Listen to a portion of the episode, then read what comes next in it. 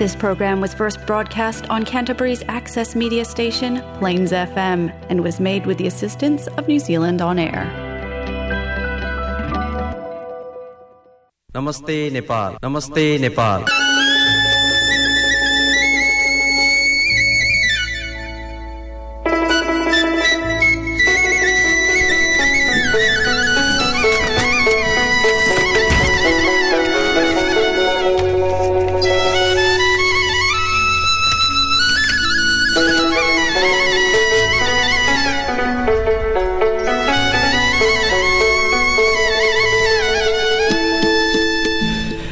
नमस्कार। Plains FM ninety six point nine mega हजमा यो हो क्राइसिसवासी नेपालीहरूको आफ्नै कार्यक्रम। कार्यक्रम नमस्ते Nepal. Nepal New Zealand friendship society क्यान्टबरीको प्रस्तुति। कार्यक्रम नमस्ते नेपालको। एक अर्को अङ्कका साथ यहाँहरूको घर आँगन रेडियो सेटमा सधैँ चाहिँ म विनोद उपस्थित भइ नै सकेको छु। श्रोता अब बिस्तारै अफिस पनि सुरु भएको छ अनि अनि कार्यव्यस्तताहरू पनि बिस्तारै बढिरहेको छ। विदायको समय छुट्टिँदै गर्दाखेरि आज न्युजिल्यान्ड समयअनुसार बेलुका आठ बजे Plains FM dot ORG dot NZ मार्फत पनि यहाँहरू नमस्ते नेपालसँग जोडिन सक्नुहुनेछ। त्यस्तै क्राइस्ट आसपासमा plains एफएमको frequency modulation ninety six point nine megahertz मार्फत त यहाँहरू प्रत्यक्ष जोडिन सक्नुहुनेछ। सहज तरिकाले क्राइसिसभन्दा बाहिर न्युजिल्यान्डभर र संसारको जुनसुकै स्थानबाट पनि आफूलाई पाएक पर्ने समयमा सुन्नका लागि हामीले प्रसारण भइसकेका कार्यक्रमका पोडकास्ट लिङ्कहरू पनि कार्यक्रम नमस्ते नेपालको आफ्नै फेसबुक पेज नमस्ते नेपाल क्राइसिस न्युजिल्यान्ड नामको नाम दिएको फेसबुक पेजमा पनि हामीले सेयर गर्दै आइरहेका छौँ र त्यही मार्फत हामीसँग जोडिनुहुने सम्पूर्ण श्रोताहरूलाई सधैँ आजको कार्यक्रममा म हार्दिक स्वागत नमस्कार टक्राउँदछु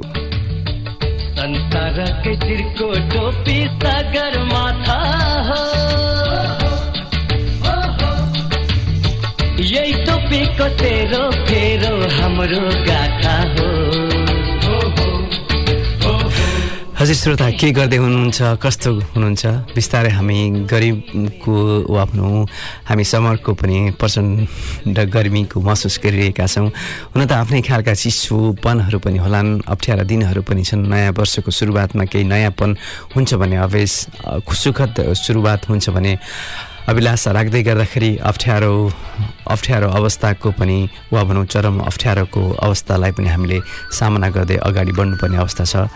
हुन त सानो चन्द्रको आशाले लामो जीवनको अपेक्षा राखिएको हुन्छ। अलिकति दुःखद घटनाहरू आसपासमा आइ नै हाल्छन्। तैपनि ती कुराहरूलाई पनि हामी समेटेर नै र त्यसबाट अगाडि अगाडि बढ्ने प्रयास गरिरहेका हुन्छौँ। सायद यहाँहरूको जीवनमा पनि यस्तै खालको अप्ठ्यारो परिरहेको छ होला।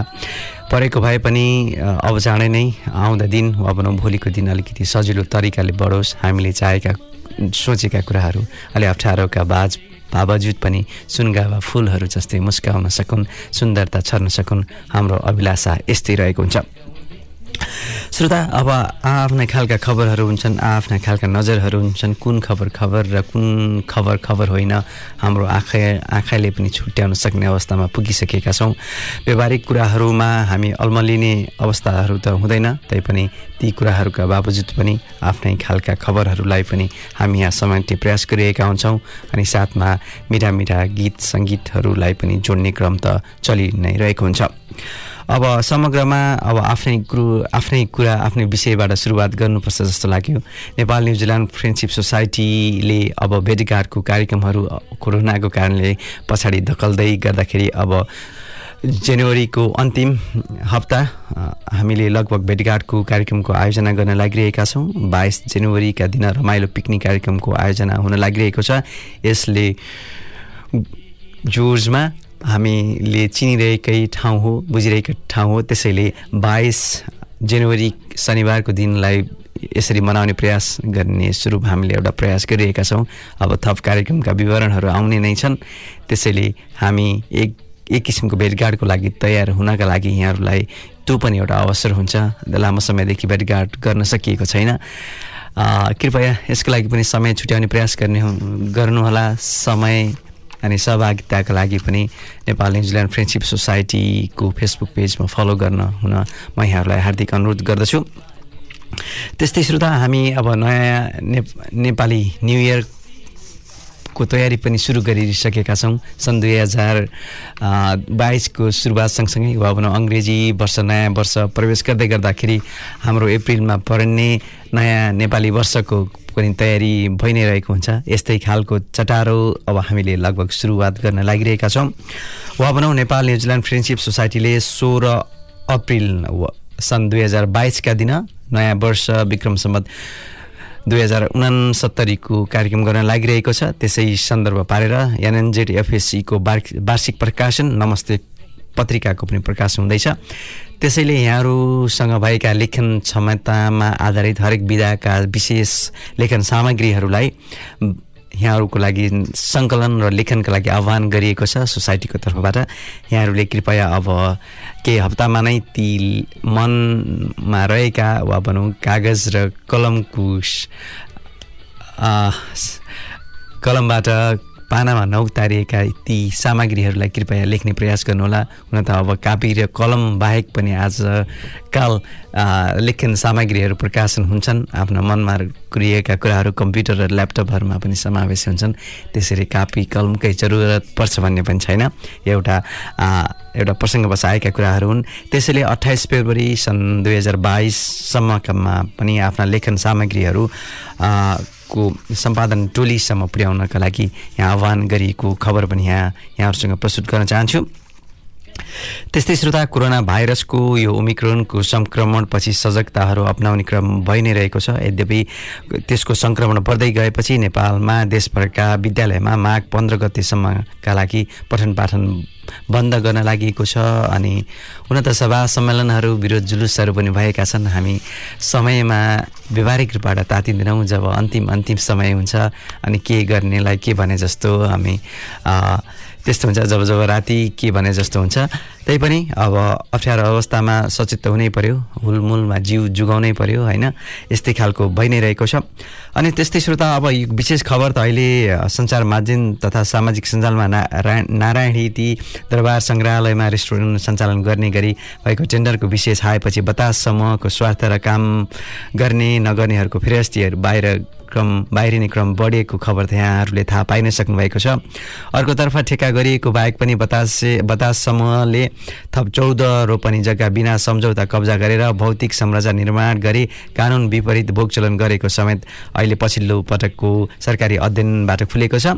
शाहवंशीय राजाहरूले एक सय बाइस वर्षसम्म शासन गरेको नारायण हिटी दरबार सङ्ग्रहालयमा सङ्ग्रहालयलाई इतिहासको लागि संरक्षण गर्नुको सट्टा सरकारले परिसरभित्रको जग्गा भवन व्यापारिक प्रयोजनमा भाडा दिएर त्यो पनि महिनामा जम्मा दुई लाख एक्काइस हजार रुपियाँमा भाडा आउने निश्चित गरेर सङ्ग्रहालयभित्र धमाधन संरचना बनाइँदै गरेको पाइएपछिका विरोधका आवाजहरू पनि हामीले सुनि नै सकेका छौँ। श्रोता यसरी अप्ठ्यारो राज्यले आफ्नो इतिहासहरू पुस्तक पुस्ताको लागि राख्नुपर्नेमा हामी अलिक बढी व्यापारिक भएका छौँ व्यवहारिक हुन सकिरहेका छौँ यो पनि एउटा चित्त दुखाइकै कुरा भयो। त्यस्तै श्रोता अब न्युजिल्यान्डमै कुरा गर्दाखेरि खोप लगाउन नजानेहरूलाई बिना कारण छुट दिएको भनेर एकजना डक्टरमाथि कारवाही भएको खबर पनि आएको छ। त्यसपछि बिना कारण छुट जारी गरेको खबर आएपछि अनुसन्धानमा परेकी एक क्यान्सरबरीकी डक्टर अब न्युजिल्यान्डमा मेडिसिनको प्र्याक्टिस गर्न नपाउने भएकी छन्। अब यस्तो दुःखद खबर आउला भनेर उनले सायद सोचेकी थिएनन्। अर्कोतर्फ उता अस्ट्रेलियामा अस्ट्रेलियाली सीमा अधिकारीहरूले सबै गैर नारी नागरिकहरूलाई कोभिड उन्नाइसको लागि पूर्ण रूपमा खोप लगाउनु पर्ने प्रवेश गर्नुपर्ने प्रवेश आवश्यकतामा छुटको मापदण्ड पुरा नगरेको भन्दै टेनिस स्टार नोभाग जोको बिचको अस्ट्रेलियन ओपन खेल्न गत हप्ता मेलबर्न एयरपोर्टमा आइपुग्दै गर्दाखेरि उनको भिसा रद्द गरेको विषय अब अदालतमा पुगेको खबर पनि छ।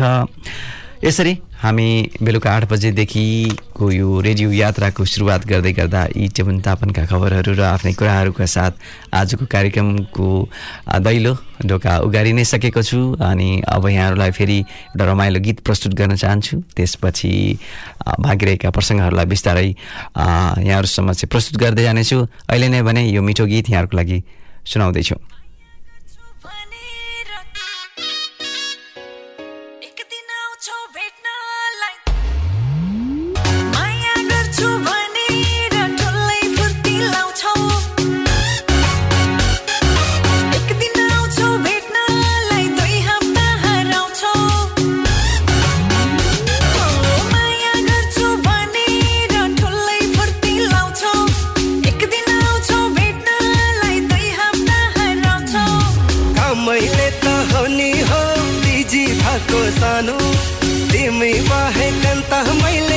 मैले कहाँ छ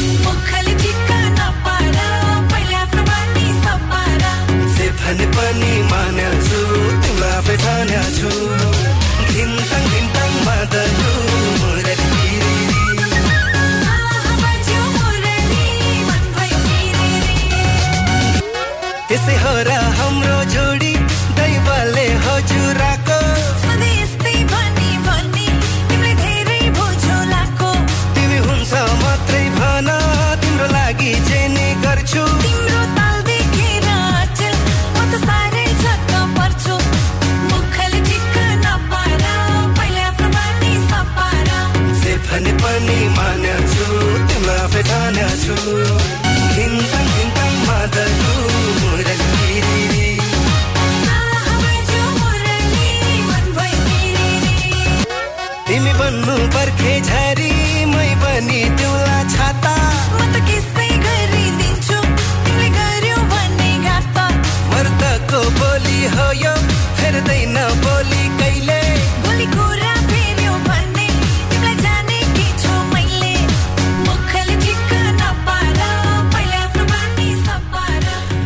हजुर श्रोताहरू Plains FM ninety six point nine मेगाजमा Nepal New Zealand friendship society क्यान्टबरीको साप्ताहिक रेडियो कार्यक्रम कार्यक्रम नमस्ते नेपाल यहाँहरूले सुन्दै हुनुहुन्छ भने यहाँहरूको साथमा सधैँ चाहिँ म विनोद छु।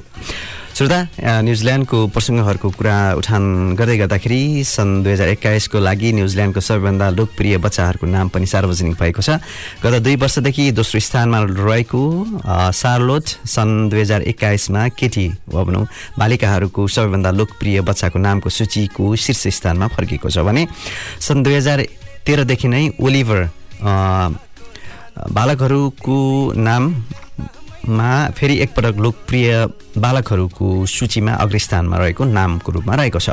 त्यस्तै श्रोता हामीले कोभिडको कुरा गर्दै गर्दाखेरि आउँदो हप्तादेखि पाँचदेखि एघार वर्ष उमेरका बच्चाहरूलाई समेत कोभिड विरुद्धको घो खोप दिन सुरु गरिन लागेको छ न्युजिल्यान्डमा। त्यसैले आफ्नो बच्चाहरू पनि यहाँहरूको बच्चाहरू पनि यो उमेर समूहमा छन् भने कृपया आफ्नो मेडिकल सेन्टरमा आफ्नो बच्चाहरूको लागि अग्रिम बुकिङ पनि यहाँहरूले गराउन सक्नुहुनेछ। धेरै मध्ये यहाँहरूले गराइसक्नु भएको छ भन्ने आशा लिएको छु। श्रोता यसरी हामीले कार्यक्रम नमस्ते नेपालमा यस्तै खालका खबर सामग्रीहरूको विषयमा पनि यहाँहरूलाई जानकारी दिने प्रयास गरिरहेका छौँ। अब हामी अब हुन त सङ्गीतको पनि धेरै खालको विधा हुन्छ हुन त हरेक क्षेत्रमा फरक फरक खालका विधाहरू समेटेर एउटा समग्र क्षेत्र बनेको हुन्छ। सङ्गीत पनि झन्डै त्यस्तै नै हो श्रोता।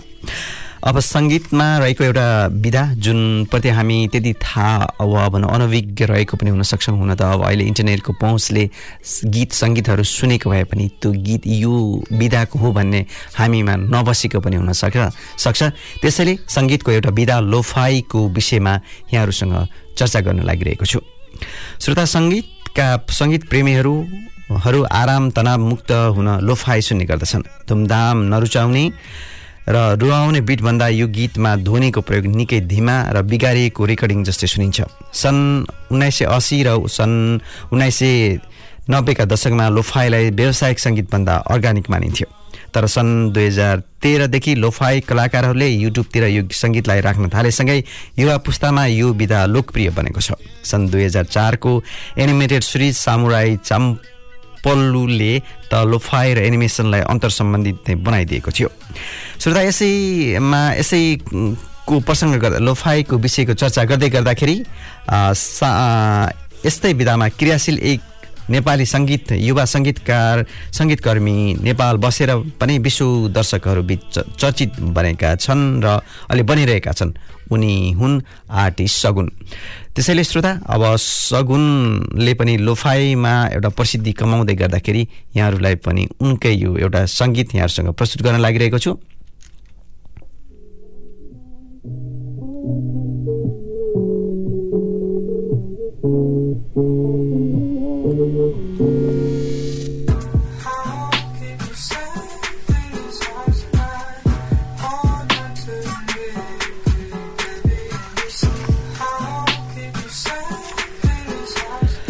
हजुर श्रोता सगुनको सङ्गीतलाई साउन्ड क्लाउड र युट्युबमा तथा एप्पल स्पोटिफाई डिजर र टाइडल लगायतका डिजिटल स्ट्रिमिङ प्लेटफर्महरूमा पनि बज्न थालेको धेरै भइसकेको छ।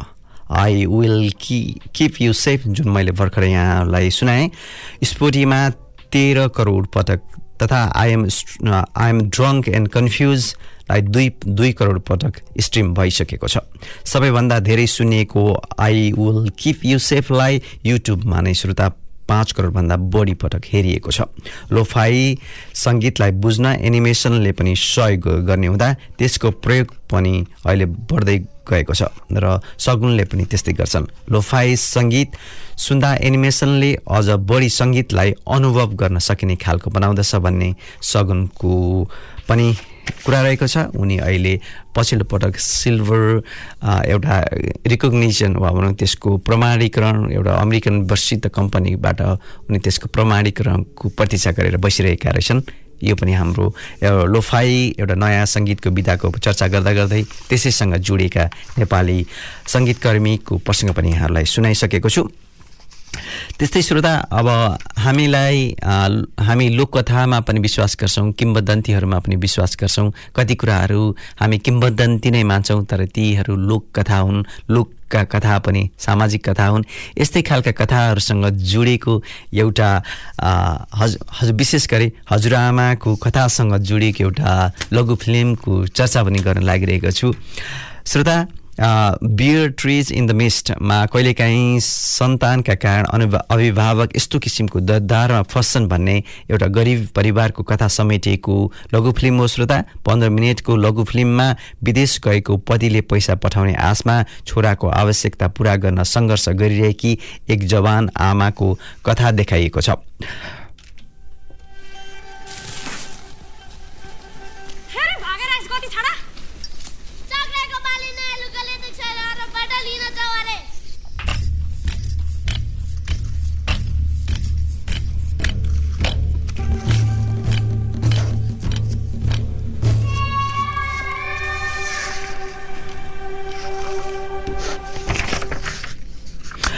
श्रोता यसरी हजुरआमाको कथासँग जोडिएको यो फिल्ममा वा यो लघु फिल्ममा एक दिन छोराले विदेशबाट फर्किएको साथीको बुवाले आफूलाई उपहार ल्याइदिएको कुरा सुनाएपछि उनले छिमेकीलाई भेट्न लामो यात्रा तयार गर्छिन्। आमा छोराको दुःख आशा र पर्खाइको कथालाई फिल्ममा मर्म मर्मस्पर्शी ढङ्गले समेटिएको छ।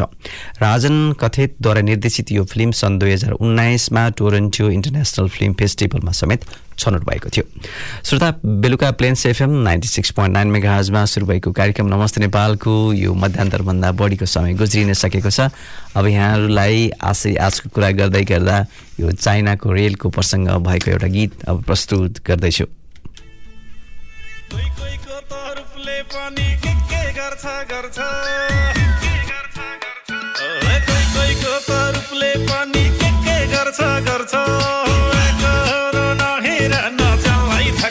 गर्छ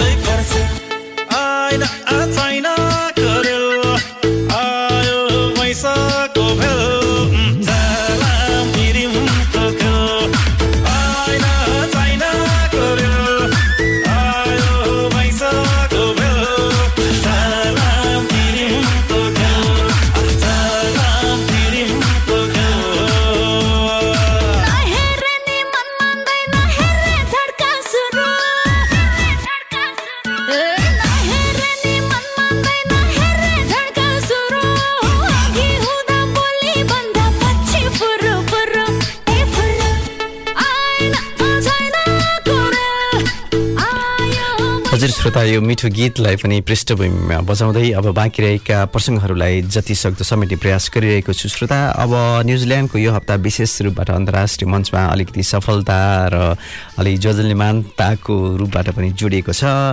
जेन च्याम्पियनको film The Power of the डगले golden ग्लोब्समा दुई शीर्ष अवार्ड जितेको दिन वा भने यो हप्ताको रूपबाट पनि रहेको छ। किवी निर्देशकको फिल्मले सर्वश्रेष्ठ मोसन पिक्चर ड्रामा जित्यो भने उनले मोसन पिक्चरको सर्वश्रेष्ठ निर्देश- निर्देशकको अवार्ड समेत जितेकी छन्।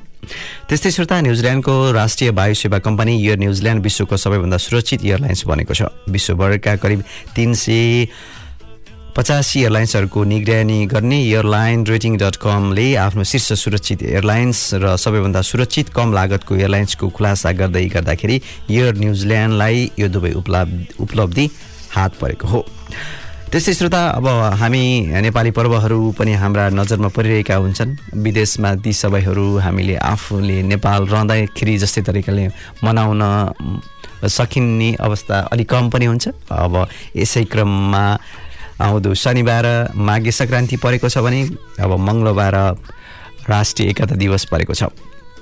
हुन त अब राष्ट्रिय एकता दिवस र राजाको कुरा गर्ने बित्तिकै राजनीतिक रूपबाट धेरै नै टिका टिका टिप्पणीहरू हुन्छन्।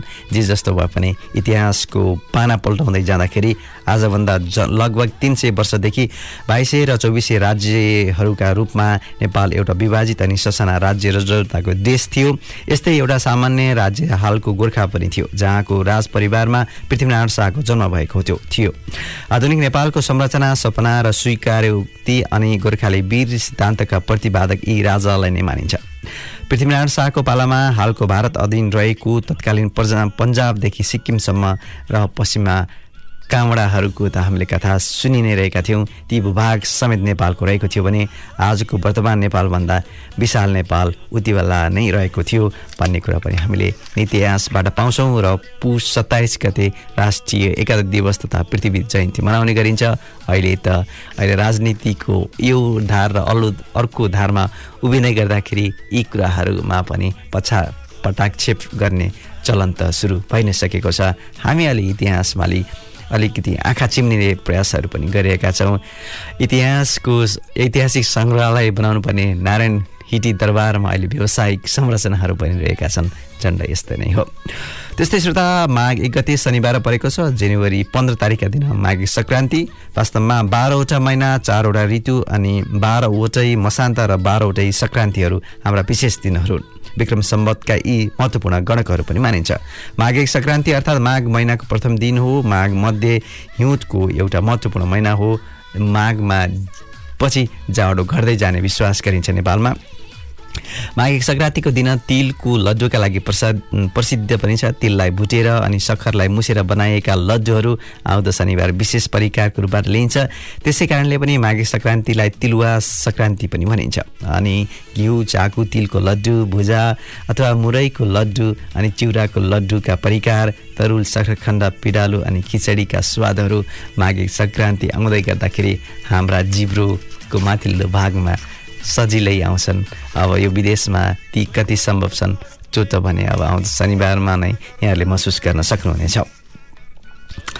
श्रोता यसरी बेलुका आठ बजीदेखि सुरु भएको कार्यक्रम नमस्ते नेपालको। अब म पुछार पुछारमा आइ नै सकेको छु। आउँदै गर्दाखेरि अब यहाँहरूलाई नेपालमा साइकलको प्रवेश कसरी भयो होला कहिले भयो होला भन्ने पनि हामी इतिहासकै कुरा आज बढी अलिकति ध्यान गरिरहेका छौँ अलिकति संवेदन हुन संवेदनशील हुन खोजिरहेका छौँ।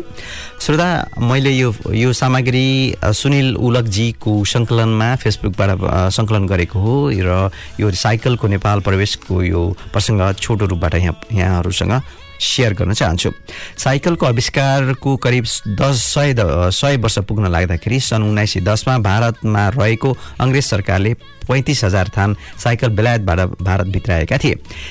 र यी साइकल मध्ये केही नेपाल पनि भित्रिएको अनुमान गरिन्छ। श्री तिन वीर शमशेरको वैज्ञानिक छोरा गेहेन्द्र शमशेरको निधन भइसकेको हुँदा नेपालमा साइकलको कुनै वैज्ञानिक आविष्कार पनि हुनै पाएन। तर तर श्रोता अब त्यसपछिका दिनहरूमा कसरी त्यो साइकल नेपालमा प्रवेश गर्यो भने हामीले महसुस गर्नु नै पर्ने हुन्छ? इतिहासहरू इतिहास पल्टाउँदै जाँदाखेरि। र गेन्द्र शमशेरका छोरा सुर शमशेरले भने नेपालमा साइकल पहिलोपटक चढ्ने व्यक्तिको रूपबाट भएको अनुमान गरिएको इतिहासहरू पनि भेटिन्छ। सन् उन्नाइस सय दस अथवा अथवा विक्रम उन्नाइस सय सडसठी ताका नेपालमा पहिलोपटक साइकल भित्रिएको बलियो विश्वास गर्न सकिन्छ। प्रथम विश्वयुद्धको समाप्तिपछि स्वदेश फर्किएका केही गोर्खाली सैनिकहरूले विक्रम सम्वत उन्नाइस सय पचहत्तर र सतहत्तरको तिर पनि नेपालमा केही साइकलहरू बिताएका रहेछन्। त्यसपछि विक्रम सम्वत उन्नाइस सय एकासीमा आइपुग्दाखेरि रासन व्यापारी अष्टनारायणले असन कमलाक्षीको आफ्नै घरमा पञ्चनारायण अष्टनारायण साइकल नाम दिएर पसल खोलेका रहेका छन्। कलकत्ताबाट ल्याएर बेच्न राखेको छवटा बेलायती हर्कुलस साइकल नि बिक्न निकै लामो समय लागेको रहेछ अष्टनारायण अष्टनारायणलाई। श्रोता खर्च सर्च जोडेर एउटा साइकलको त्यति बेलाको मूल्य नै सय रुपियाँ पुग् पुग्न पर्दो रहेछ। त्यति बेला एउटा ठुलै अफिसरको तलब बल्ल बल्ल महिनाको सय रुपियाँ हुन्थ्यो। हत्तपत्त कसैको साइकल किन्ने आँट हुँदैन थियो। त्यसैले छवटा साइकल करिब एक वर्षमा सबै बिकेपछि फेरि कल्प कलकत्ताबाट नै साइकल ल्याएका रहेछन्। अष्टनारायणले यसरी श्रोता नेपालमा साइकलको प्रवेश भएको र त्यसलाई व्यावसायिक रूपबाट पनि किनमेच र बिक्री वितरण पनि सुरु भएको यो फेसबुकबाट सङ्कलन गरिएको सुनिल उलकजीको यो सङ्कलन सामग्री साइकलको नेपाल प्रवेश सँगसँगै बेलुका आठ बजेदेखि Plains FM ninety six point nine मेगाजमा सुरु भएको कार्यक्रम नमस्ते नेपालको आजको अङ्कलाई यहीँ आएर बिट मार्न चाहन्छु। श्रोता कार्यक्रमको सुरुवातमा भने जस्तै आउँदो जनवरी बाइस तारिक शनिबारको दिन पिकनिकको कार्यक्रममा पनि यहाँहरू सहभागी हुनका लागि आफ्नो समय र फुर्सद मिलाउनु हुन एनएनजेड एफएससीको तर्फबाट यहाँहरूलाई हृदयदेखि नै आग्रह अनुरोध अनि निमन्त्रणा गर्न चाहन्छु। यो सँगसँगै आजको कार्यक्रमलाई यहीँ नै आएर पूर्ण विराम दिन चाहन्छु। हरेक दिनहरू सहज होस् भन्ने हामीले अपेक्षा गर्दै गर्दाखेरि हामीले सोचे जस्ता दिनहरू भइ नै रहेका छैनन् तैपनि हामी अझै पनि अगाडि बढ्ने प्रयास गरिरहेका छौँ। यहाँ आजको यसरी यहाँहरूसँग प्रस्तुत हुन सकेँ यो पनि गर्वकै कुरा हो। र आज जस्तै भोलिको दिन अझ राम्रो वा भनौँ आज जस्तै भोलिको दिन पनि हुन सक्यो भने यहाँहरूसँग भेटघाट गर्ने उद्देश्यका साथ नमस्ते नेपालको अर्को अङ्क लिएर फेरि पनि आउनेछु। तबसम्मका लागि म विनोदलाई पनि आज्ञा दिनुहोस्। नमस्कार शुभरात्रि। यहाँ कालो बादल छाएको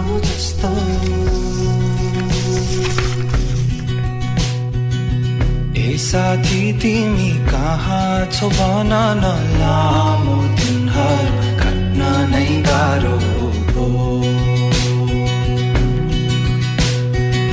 सानो छँदा हामी खेल्ने गर्थ्यौँ।